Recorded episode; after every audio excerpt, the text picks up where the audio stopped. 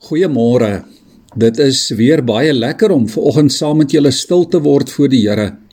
En baie welkom aan elkeen wat vanoggend saam luister. Ek wil graag in die volgende paar weke stil staan by die kerk omdat ek dink dat dit 'n tema is wat baie belangrik is en waaroor die Here vir ons leiding wil gee in sy woord. Dis 'n ongelooflike groot voorreg om deel te wees van die kerk. En ons hoef glad nie daaroor skaam te wees of daarvoor verskoning te vra nie. Maar dis noodsaaklik dat ons God se plan met sy kerk en ons plek daarin reg verstaan. Ek wil veraloggend begin en vir ons lees uit Matteus 16 vers 13 tot 20.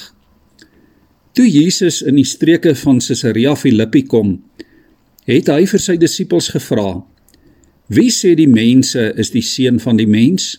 Hulle het geantwoord: Party sê Johannes die Doper, party Elia, party Jeremia of een van die profete. Maar julle het Jesus gevra: Wie sê julle is ek? Simon Petrus het geantwoord: U is die Christus, die seun van die lewende God. Gelukkig is jy Simon Barjona, het Jesus vir hom gesê. Want dit is nie 'n mens wat dit aan jou geopenbaar het nie, maar my Vader wat in die hemel is. En ek sê vir jou, jy is Petrus, en op hierdie rots sal ek my kerk bou, en die magte van die doderyk sal dit nie oorweldig nie. Ek sal aan jou die sleutels van die koninkryk van die hemel gee. En wat jy op die aarde toesluit, sal in die hemel toegesluit bly. En wat jy op die aarde oopsluit, sal in die hemel oopgesluit bly. Liewe vriende, dat daar 'n kerk op aarde ontstaan het, is die vrug van die werk van die Vader en die Seun en die Heilige Gees ter wille van mense soos jy en ek. Die eerste en die belangrikste ding om van die kerk te onthou is dat dit Christus self is wat sy kerk in stand hou. Natuurlik lyk dit nie so in hierdie wêreld van ons nie. Volgens statistieke lyk dit asof die kerk 'n verlore stryd stry. Die oorgrootste meerderheid van die biljoene mense op aarde het ver oggend nog nie eers van Jesus gehoor nie. Minder as 'n derde van die wêreldbevolking behoort aan 'n Christelike kerk of gemeente. Diegene wat Jesus as persoonlike verlosser aanvaar het, is waarskynlik nog heelwat minder as dit vir die jaar 2020 was die geprojekteerde persentasie Christene wêreldwyd omtrent 16% van die wêreldbevolking.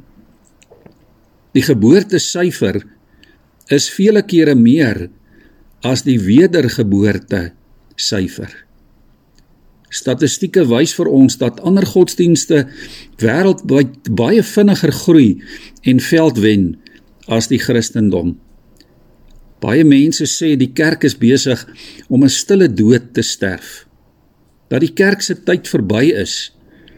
Dat ons maar teen die kerk se deur 'n bordjie kan gaan vasspyker met die woorde Ikabot klaar praat. En ek weet vanmôre daar is waarskynlik baie mense wat dit graag sal wil doen. Natuurlik, liewe vriende, kan ons nie En daar is een groot rede daarvoor. Omdat Jesus die hoof is van die kerk. Jesus wat gesê het die magte van die doderyk sal sy kerk nie oorweldig nie.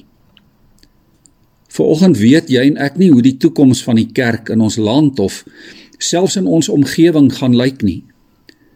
Ons weet nie of mense se onverskilligheid en belangeloosheid gaan toeneem in ons wêreld nie.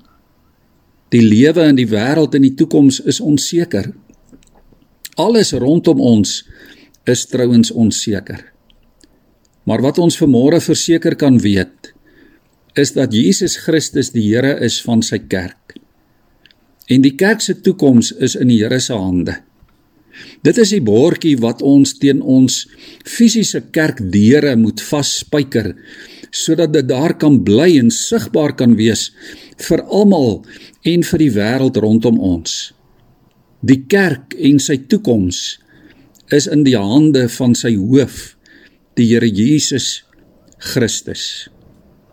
Kom ons onthou dit ook in hierdie tyd. Ons buig ons hoofde saam in gebed voor die Here. Here, ons aanbid U as die Vader en die Seun en die Heilige Gees saam met gelowiges deur al die eeue. Dankie dat U ons deel gemaak het van U koninkryk. Dat U ons ingebou het in die liggaam van Christus.